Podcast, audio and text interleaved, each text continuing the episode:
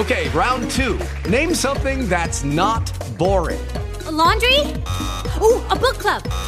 Computer solitaire, huh? Ah, sorry, we were looking for Chumba Casino. That's right. ChumbaCasino.com has over 100 casino style games. Join today and play for free for your chance to redeem some serious prizes. ChumbaCasino.com. No purchase necessary. Void where prohibited by law. 18 plus terms and conditions apply. See website for details. Hey guys, it is Ryan. I'm not sure if you know this about me, but I'm a bit of a fun fanatic when I can. I like to work, but I like fun too. It's a thing. And now the truth is out there. I can tell you about my favorite place to have fun Chumba Casino. They have hundreds of social casino style games to choose from, with new games released each week. You can play for free anytime, anywhere. And each day brings a new chance to collect daily bonuses. So join me in the fun. Sign up now at chumbacasino.com. No purchase necessary. VGW Group. Void were prohibited by law. See terms and conditions. 18 plus.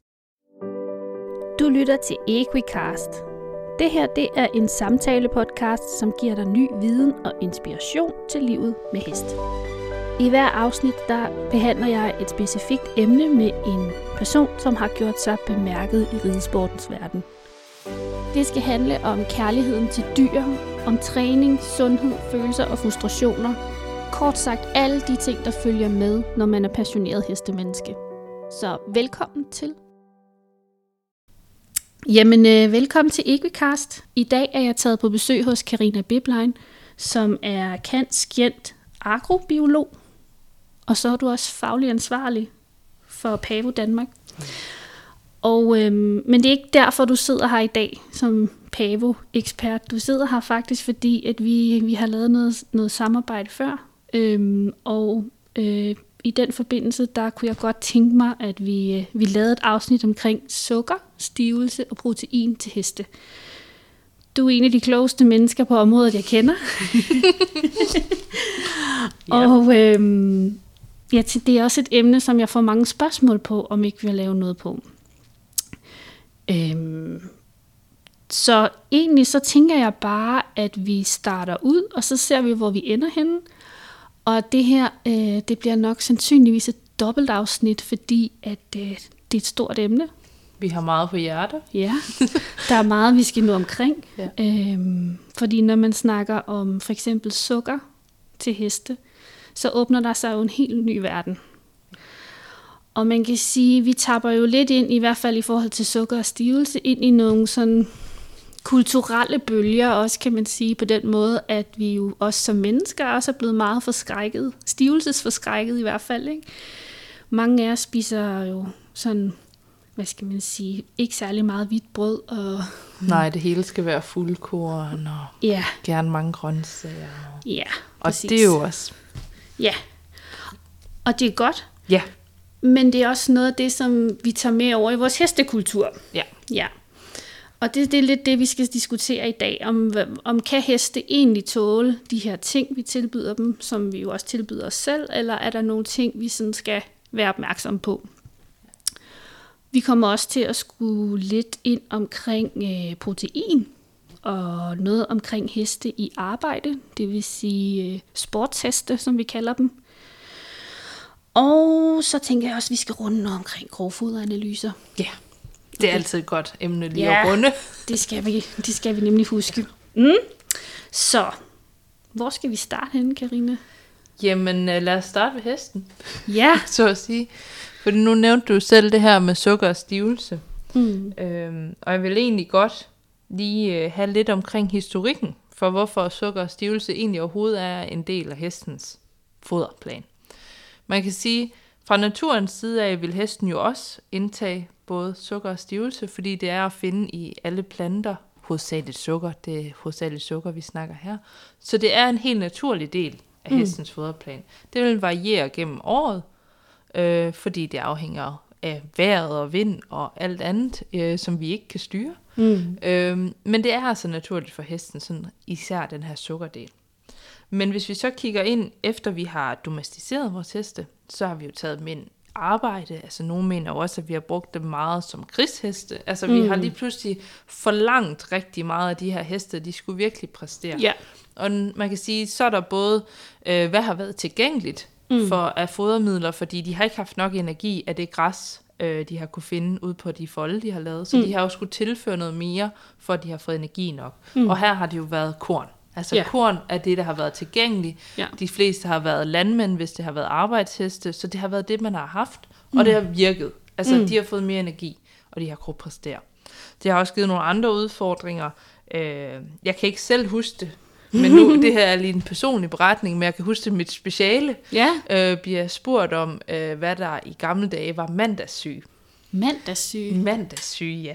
Og det er jo så fordi, at man har givet de her korn, og så har arbejdshestene, de jo stået stille hele weekenden, og så har man jo fået den her ophobning af korn. Ah, Og de har jo ikke kunne fordøje det, for de har ikke skulle bruge energien. Så det vil sige, ofte om mandagen stod de med for eksempel nyreslag. nej. Jo. Så, og det, jeg kan jo huske det, fordi det var sådan et speciale spørgsmål, mm. der kom til min, øh, mit forsvar, så det glemmer jeg aldrig. Men det er også bare for at sige, der har jo også været udfordringer dengang, mm. med, med, hvis man har givet for meget korn for eksempel. Så mm. det er jo det her med, det er en balance. Ja. Og det er noget af det, jeg tænker, sådan lidt skal være gennemsyrende for vores afsnit her, at, mm. at alting er lidt en balance. Mm. Og der er ikke noget, der er farligt, mm. men, men der skal være en balance.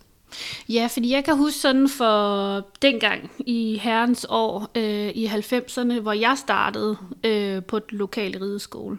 Øh, der var det jo havre, Ja.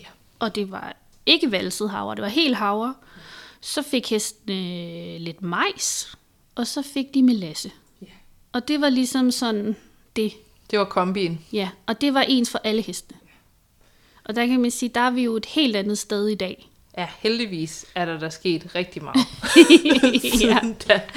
Men og, og, jeg møder jo stadig rigtig mange kunder, så, øh, og det kan godt komme lidt bag på, men som måske stadig fodrer sådan der, hvor mm. de siger, at det har altid fungeret. Mm. Øhm, og det kan man jo ikke sige imod, hvis de Nej. Synes, det fungerer. Øh, jeg vil jo altid komme med det argument, du har aldrig prøvet andet. Mm. Øhm, og, og rigtig mange heste vil jo også overleve Mm. på det. Øh, heste er jo enormt dygtige til at overleve på alt, men de har jo måske netop bare nogle udfordringer, som man ikke tænker over, faktisk mm. kunne relatere sig til fodringen. Ja, jeg Ja. kender, jeg kender for eksempel øhm, øhm, nogle af de mest dygtige herhjemme til øh, at køre for vogn.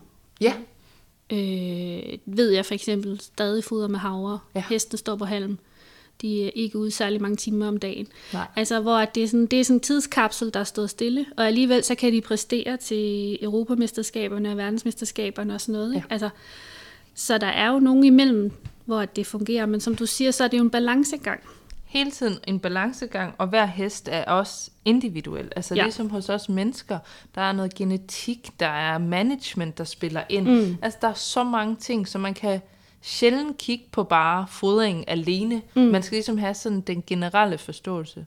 Lige eksemplet, du kommer med, man kan sige, det er jo også hester, der laver noget. Ja. Så de har virkelig også brug for formentlig den der ekstra stivelseskilde, ja. som havre er. Og jeg vil sige, skal man vælge en stivelseskilde, så er havre måske netop en af de gode, og en af dem, som tilbyder flest næringsstoffer, som hesten kan bruge.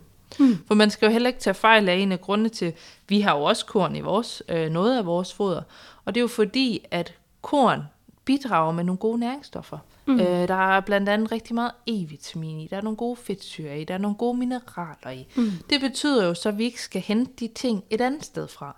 Så det er jo heller ikke, man skal også passe på med at sige, at korn er kun energi, fordi det kan faktisk nogle andre ting mm. også i den her fodersammensætning. Men man skal selvfølgelig passe på med stivelsesandelen. Ja. For der er jo sådan, som vi siger, så har vi jo udviklet os meget heldigvis, og det har forskning også. Og man har ligesom fundet ud af, at der er sådan en uh, makskapacitet for, hvad hesten egentlig kan fordøje af det er primært stivelse, man har kigget på, men sukker og stivelse, kan man sige.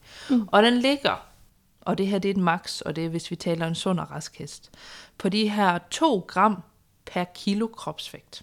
Mm.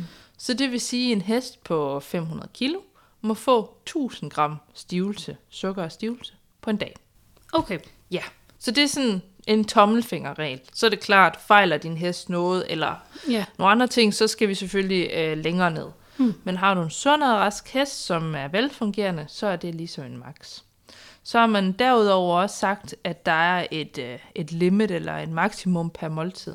Og den Okay. okay. hedder så 1 gram per kilo kropsvægt. Så det vil sige, det er halvdelen. Mm. Så den må få 1000 gram På et døgn. på et døgn. men 500 gram max per måltid.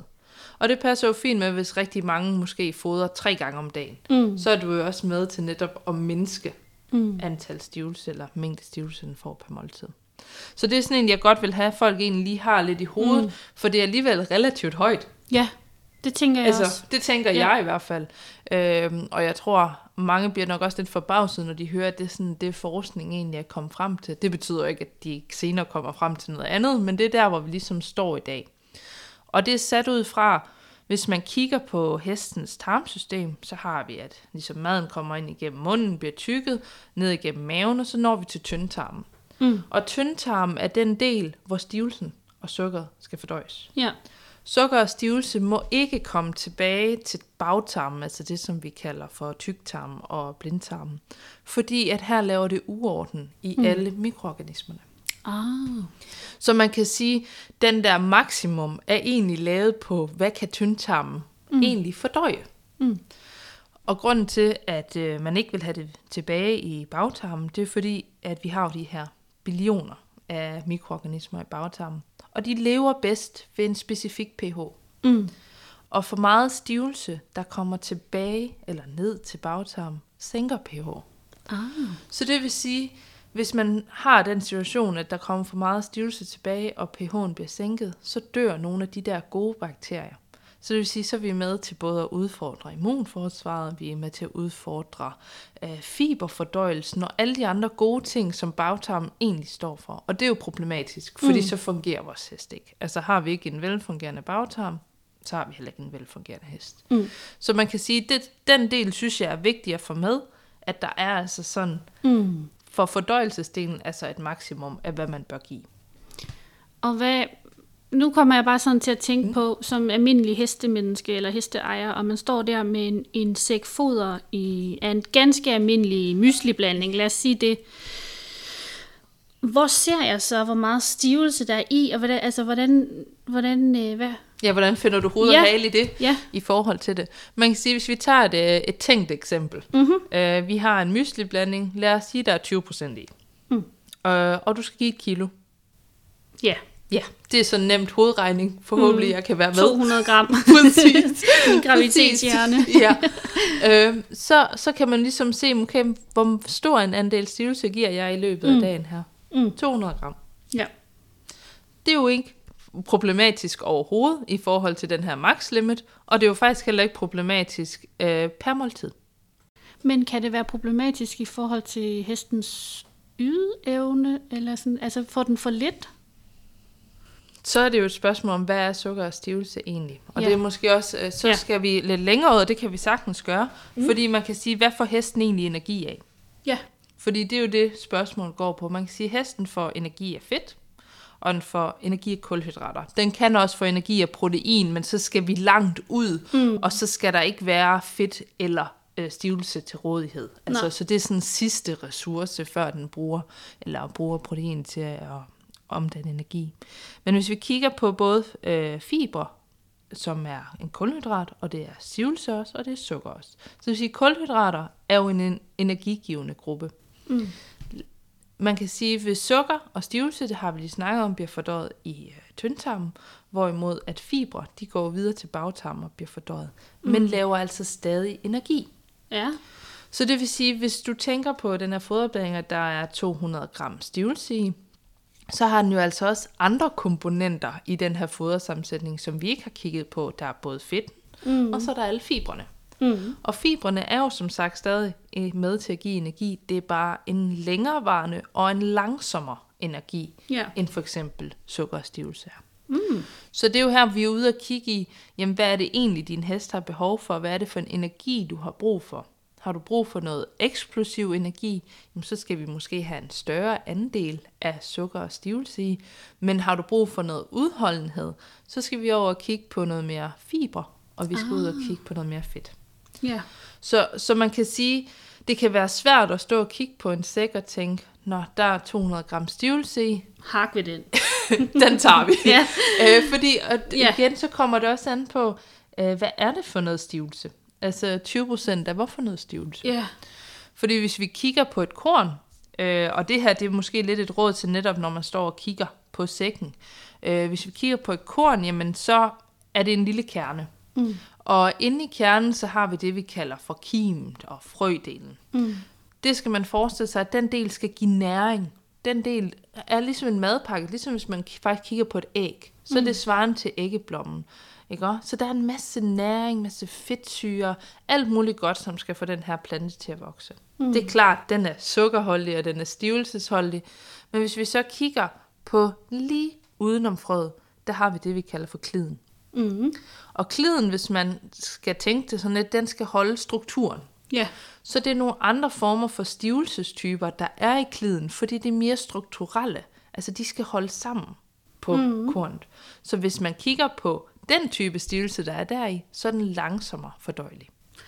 Ah, altså kan det lidt sammenlignes med den diskussion, jeg har med min kæreste derhjemme, der er kok, mellem grovvalset havregryn og finvalset havregryn. Ja. Man kan sige, Så nu har jeg noget på ham. du har noget på ham nu.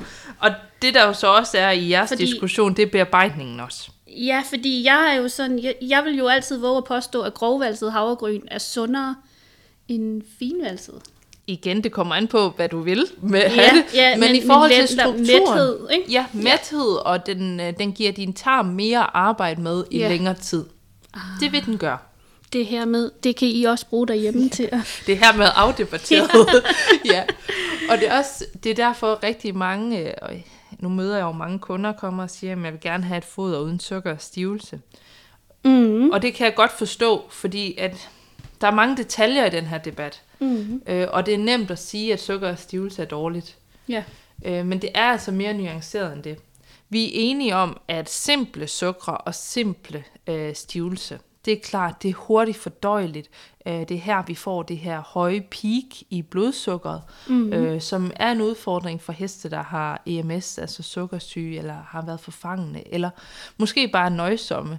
Jamen, så er det her peak ikke nødvendigvis noget godt. Men hvis du har brug for hurtig energi lige nu og her, så er det jo en rigtig god ting. Mm. Så det igen, det afhænger virkelig hele tiden af, hvad er formålet med fodringen? Altså, hvad er det, du gerne vil opnå? Ja, og der kommer jeg til at tænke på øhm, i den podcast, der hedder Pavecast, hvor du også går mere i dybden med det yes. her. Der taler I om det her med heste til store stævner, som brænder sammen på tredje dagen, Ja. hvor at de, de to første dage er sådan nogle øh, kæmpe store stævner, hvor de går flere konkurrencer over flere dage, er friske og, og klar Og frejdig. ja, ja. i musklerne, men så på Ja. tredje dagen, så kommer der den her fatigue, Ja. øh, eller sådan Muskeltræthed. muskeltræthed. Ja. Altså, man kan sige, en af grundene til det kommer, er jo fordi, at når man presser sig selv, altså hvis man selv løber en tur, så den første del af løbeturen, der mm. kører man på et muskelstofskifte, hvor man bruger ilt. Så det vil sige, at her har musklerne både fedt, og de har de her kulhydrater til rådighed, altså både sukker, stivelse og fiber. Mm. Men jo længere man løber, og jo hårdere det bliver, så skifter muskelstofskiftet ja. over til at bruge ingen ilt. Mm. Og når vi gør det, så har vi kun én kilde til, at musklerne kan skabe energi, og det er glykogen. Ja. Og glykogen er lagret sukker, altså lagret glukose. Så det vil sige, når vi er til sådan en stævne, for at tage det eksempel, så de første to dage, der er hesten egentlig relativt ovenpå. Glykogendepoterne er fyldt op, øh, så det vil sige, når den når ud i, at nu har den opvarmet, og den har været igennem det meste, lad os sige, dressurprogrammet, men nu skal den ind og lave piaffen, og så den skal rigtig ind og bruge det hårdt, så går den ind, og så bruger den af glykogendepoterne. Men det er fint, for de er der jo. Mm-hmm. Men udfordringen er opfyldning af de her glykogendepoter. Ja. Hvis ikke du har sukker og stivelse i dit foder, så går den her opfyldning af glykogendepoterne rigtig langsomt. Der er lavet et studie i Sverige af, og jeg, jeg husker bare efternavn, der hedder Jansson, Ja. øhm, hvor de netop har haft nogle præstationsheste på en udelukkende baseret af foder, fiberbaseret foderplan. Mm. Øh, og her kan man sige, at de har egentlig energi nok de første par dage, og det går okay. Men udfordringen opstår nemlig, hvis ikke der er hvile, eller lang tid nok hvile, for så kan de ikke få genopfyldt de her glykogendepoter. Hmm. Så de går døde, og de oplever stadig den her muskeltræthed. Og det er derfor, sukker og stivelse er jo ikke kun dårligt. Vi har også brug for det, i hvert fald hos de her heste, som ikke får lang nok restitution. Ja. Fordi skulle de ride en dag hårdt, og så måske først ride igen om 14 dage, mm. så var det ikke noget problem med udelukkende fiber. Mm-mm. Fordi så havde de tiden. Tiden til det. Ja. Men virkeligheden er jo bare lidt en anden Ja. ja. hos vores Ja, sportsheste. der er der måske en dags fri imellem, ikke? Præcis. Og, og det er jo der, hvor man kan sige, det er der, hvor vi, for os som fodervejledere, det er jo vigtigt at kende historien og management, og hvad skal den her hest lave, fordi vi er jo nødt til at tilpasse det, så den har de bedste forudsætninger for at kunne levere det produkt, som du egentlig ønsker af den som ejer. Og her, hvis vi havde valgt kun et fiberbaseret foder til netop de her præstationsheste, så ville folk jo gå fra vores foder, fordi mm. de ville ikke opnå de resultater, de gerne ville. Så, så på den måde, så kan man sige, der er sådan nogle ting, man lige skal tage vare på. Så er der selvfølgelig også, det er jo ikke kun sukker og stivelse, der er også et spørgsmål om, har du nok antioxidanter i dit foder, mm. øh, når den går træt på tredje dagen. Fordi det er klart, der ophobes en masse affaldsstoffer. Øhm, og her kan vi jo også snakke lidt om, om forskellen mellem dagligdagstræning og stævne øh, perioder. Både, både hvis man er professionel, men også bare øh, ja. som helt almindelig rytter. Fordi det er jo det, man kalder for en intensitetsforøgelse egentlig. Ja. Så det vil sige, i det daglige træning har du jo et program, du rider varieret, øh, nogle skovture, måske baneridning, lidt spring og lidt, men så lige pludselig så har du en weekend, hvor mm. det er enormt intenst. Mm. Og der sker jo altså nogle ting inde i, i hestens krop. Det man kan sige, det er, øh, når vi er under, nu nævnte jeg det lidt før, det her med, når man træner under ilt, altså når musklerne mm. bruger ilt øh, under træning. Og det er ikke noget, jeg vil lige skynde mig at sige, det er jo ikke noget, vi kan gå ind øh, mm-hmm. og måle, når vi lige står der som rytter, om hvor er den henne, bruger den ilt eller bruger den ikke ilt, men, men det ved kroppen heldigvis. Men i den periode, hvor den øh, bruger ilt til musklerne, jamen så sker der noget, der hedder oxidation. Ja. Og det er simpelthen nedbrydning af de her forskellige næringsstoffer og omdannelse til ATP, som den skal bruge som energi. Ja. Så det er helt naturligt, det er ikke noget farligt, Mm-mm. men øh, det der er, det er, når vi netop laver de her intense perioder, Ja. ja. eller laver et Ja. ja. skift i, nu går vi fra LA til en M, altså så mm. der er ligesom noget, noget sværhedsgrad, Ja. ja. der forøges Ja. så bliver kroppen sat på prøve. Fordi så er der det, vi skal have lavet de her frie radikaler som et produkt af den her oxidation. Og de her frie radikaler har vi antioxidanter, som ligesom kan gå ind og neutralisere. Udfordringen, når vi har de her intensitetsforøgelser, er, at vi har ikke nået at bygge vores antioxidantkapacitet op. Mm-mm. Så det vil sige, at vi øger egentlig mængden af frie radikaler, mm-hmm. men vi har ikke øget mængden af antioxidanter endnu.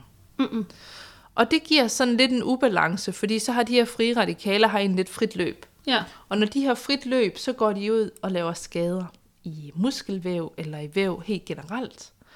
Ja. Øh, og så er det, vi ser de her heste, der bliver ømme, Ja. øh, ikke gider gå til ridning, Ja. øh, begynder at have adfærdsmæssige vanskeligheder, altså hvor, hvor de virkelig begynder at sige fra, fordi der er noget, der gør ondt. Ja. Det vil typisk være et tegn på, at der mangler, altså at der er den her ubalance mellem frie radikaler og antioxidanter. Okay. I forbindelse med en intensitetsforøgelse. Ja. ja. Så det fik vi lige, fik vi lige den, den del med os. det er præcis. Jeg tænker, at vi skal sætte en skiller ind, øh, Ja. for lige at, at, øh, at trække vejret, for der er bare så mange ting her, der Der er... er vanvittigt mange ting. Ja. Ja.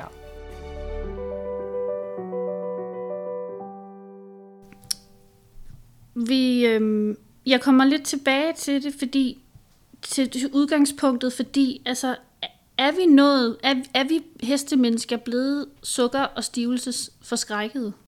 Fordi når jeg op til det her program skulle lave research, og jeg trykker, går i Google og skriver stivelse, sukker, protein, hest, så får jeg det ene foderprodukt efter det andet, og den ene ekspert efter den anden, der fortæller mig, altså mere eller mindre, hvor farligt det kan være. Ja, og, det, og jeg er egentlig langt hen ad vejen kan jeg godt være enig i, at sukker og stivelse kan være farligt, hvis det bliver givet for meget, Ja. og til de forkerte heste. Ja.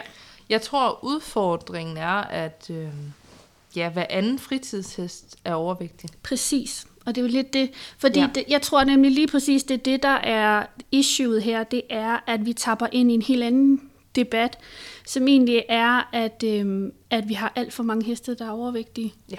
Og derfor så får vi det her fokus på stivelse og sukker. Præcis. Og man kan sige, der er det jo rigtigt nok, fordi øh, for at tage parallellen til os mennesker, vi ved jo også godt, at der er mange kalorier i mm. sukker og stivelse. Og smager bare så godt. Og det smager skide godt. Ja. Altså. Kage er godt. Kage er rigtig Men der er også nogle gange frugt i kage, og det er også godt. Det er Ja. også sundt. Det kan Ja. noget. Nej, men, men det der er udfordringen er jo kalorierne. Det, det er Ja. ikke sukker og stivelsen som sådan. Igen, hvis vi kigger på egentlig en sund og rask hest, som bare er overvægtig, øh, så er det jo kalorierne, der egentlig er problemet. Det er jo fordi, den hele tiden er i en positiv energibalance. Mm. Så det vil sige, den bliver jo, den taber sig ikke, fordi den bliver ved med at tage på, fordi vi hele tiden bliver ved med at give den for mange kalorier. Mm. Så kan man sige, at nogle af de nemme kalorier at skære væk, er jo netop sukker og stivelse. Mm. Øh, fordi at det er at skære kornet væk. Noget af det, der måske er lidt sværere at skære væk, er egentlig sukkeret, fordi det er jo måske grovfodret. Ja. Så det, og det er den der fokus, vi også mangler. Hvor kommer kalorietildelingen Ja. egentlig fra? Ja. Øh, er det fra sukker af stivelsen, eller er det måske egentlig fra grovfodret? Mm. Øhm, det er jo en kamp, jeg kæmper hver dag. Det er jo selvfølgelig det her med, hvad, altså det er en ukendt faktor grovfodret. Hvad indeholder det egentlig? Vi har alle sammen vores kæpheste. Ja, og, og min er... Din er grovfoder. Kan du lige forklare lidt om det her med grovfoderanalyser? Fordi det, der er lidt i det, det er jo, at det, det hø, som vi fik for 50 år siden, for eksempel af vrap, det er jo noget helt andet, end noget vi får i dag. Og så det er meget mere potent Ja, på en eller anden måde. Ikke? det er det. Fyldt med alt det gode. Ja, både og vil jeg jo sige. Ja. Fordi øh, udfordringen er jo, vi har heldigvis nogle rigtig gode grovfodproducenter, og typisk ved dem vil du også kunne få en analyse på grovfodret. Mm. Men hos dem ved vi, de andre har vi øh, i Holland, i samarbejde med Pave Holland, har vi lavet 10.000 analyser. Mm. Og der kan vi se, proteinniveauet er faldende, mineralindholdet er faldende, men sukkerindholdet er stigende. Altså i det grovfoder, der bliver produceret her i Norden? Eller Ja, hvordan? i Norden. Okay. Ja, Sådan generelt, når der laves hø Yes. på, fol- øh, på markerne, eller Præcis. hvad, så er det... så er det de tendenser, vi ser. Ja. Og det er selvfølgelig, det kan være svært at generalisere. Mm. Og jeg ved også godt, sidder der en grovfoderproducent lige Ja. nu og lytter til mig, så vil de sige, at det er ikke helt rigtigt. Mm. Og det er selvfølgelig, fordi det afhænger jo af vejret. Det afhænger af vind og temperaturer, og har det regnet meget, jordbundsforhold, hvor, har du gødet det? Mm. Øh, rigtig mange gøder jo ikke længere i dag, og især ikke, altså lige nu, den verdenssituation, vi står i lige Ja. nu, er der gødningen jo mega dyrt. Ja. Øhm, så der er jo rigtig mange parametre, der påvirker det. Mm. Øh, men det er bare den generelle tendens, vi ser. Det er altså mineralindholdet er faldende, Faldende. og proteinindholdet er faldende, mm. og sukkerindholdet er stigende. Er det ikke også noget med klimaforandringerne at gøre? Der er mere sol, måske? Jo, altså det kunne man...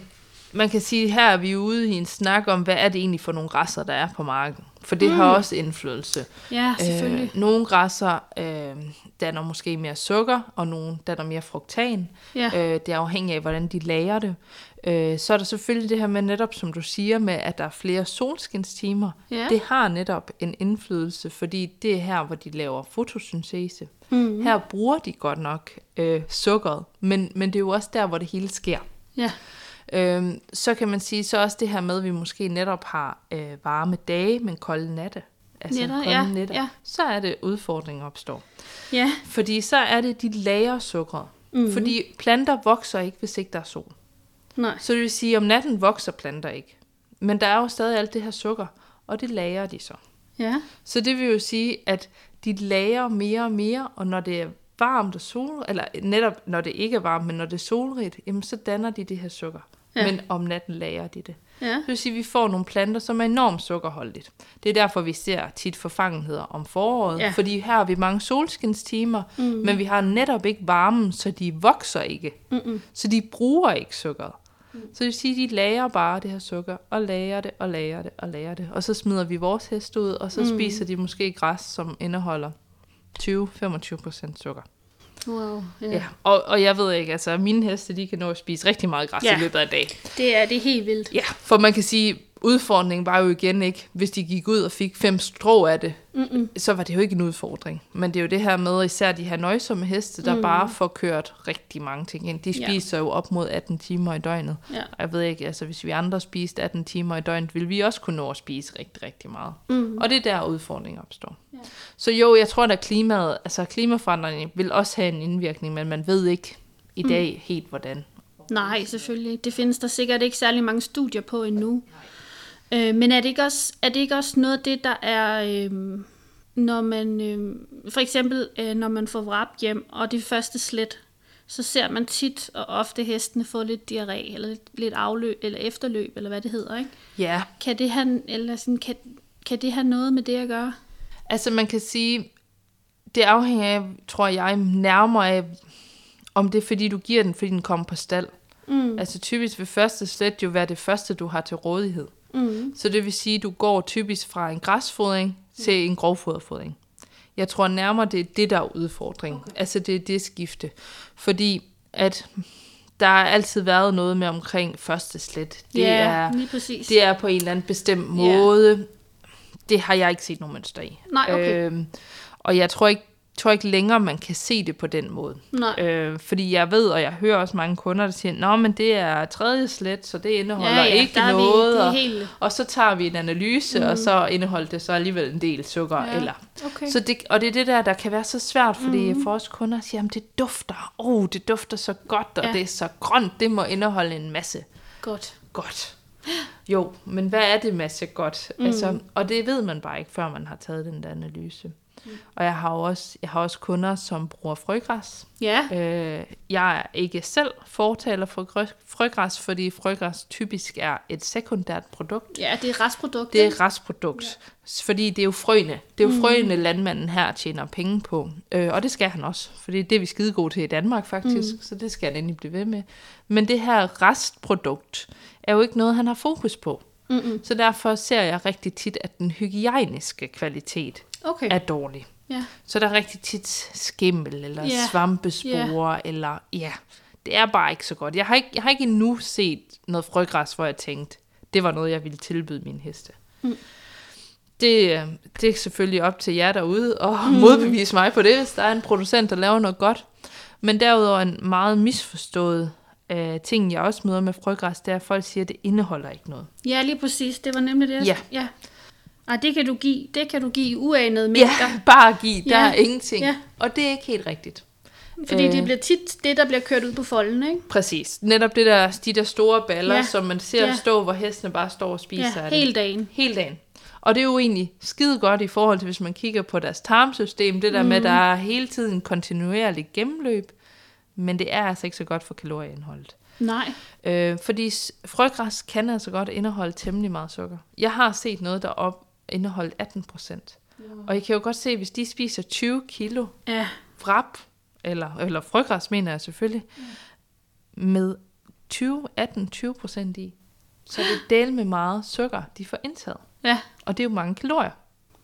Så det er bare også for at sige, Jamen, det kan, analyser er, er altså Ja. ja. vejen frem, og så ved jeg godt, øh, så vil der komme nogle kritikere og sige, at det kan være svært at, at lave en analyse, som er repræsentativ mm. for marken. Fordi vi har alle sammen gået en tur i vores mark, mm. og set, hvor forskellig den er. Mm. Øh, og her vil jeg jo rigtig gerne have, at vi alle sammen er med til sådan at opfordre vores grovfoderproducenter Ja. til at lave de her analyser. For det er dem, når de har slået marken, så har de mulighed for at gå sig en tur på tværs af marken mm. og tage små prøver løbende, mm. så vi får et gennemsnit af ja. markedet Ja. at lave analysen på. For jeg kan sagtens forstå, at man som hesteejer, du har indkøbt 10 baller fra fem forskellige ja. steder, så skal du lave, og du ved ikke engang, om det er fra samme mark, så det kan være fra forskellige marker. Så jeg kan godt se, at det bliver omstændigt lige pludselig at skulle lave grov, 20 grovfoderanalyser. Ja. Det, og det er da måske heller ikke så rentabelt. Men det er det her, opfordrer grovfoderproducenten ja. til at lave analysen, eller køb kun hos folk, der har en analyse på deres grovfoder. Ja. Så man ligesom får, får skabt et behov nærmest ja, for at lave ja. de her Stille nogle grovfoder. krav ja. til sin... Øh, Præcis. også i forhold til sådan at få en eller anden viden om, hvorhen det er produceret, for eksempel. Ja. Ikke? Jo, Så, så har man måske, en, det kan godt være, at det ikke er for samme mark, men måske det er for samme område af, så har du alligevel en fornemmelse af øh, kvaliteten af det. Og nu er grovfoderanalyser, som, som jeg forstår det, jo ikke den største udgift længere. Det er i hvert fald blevet nemmere at sende ind og få styr på ret hurtigt for et ret beskeden beløb.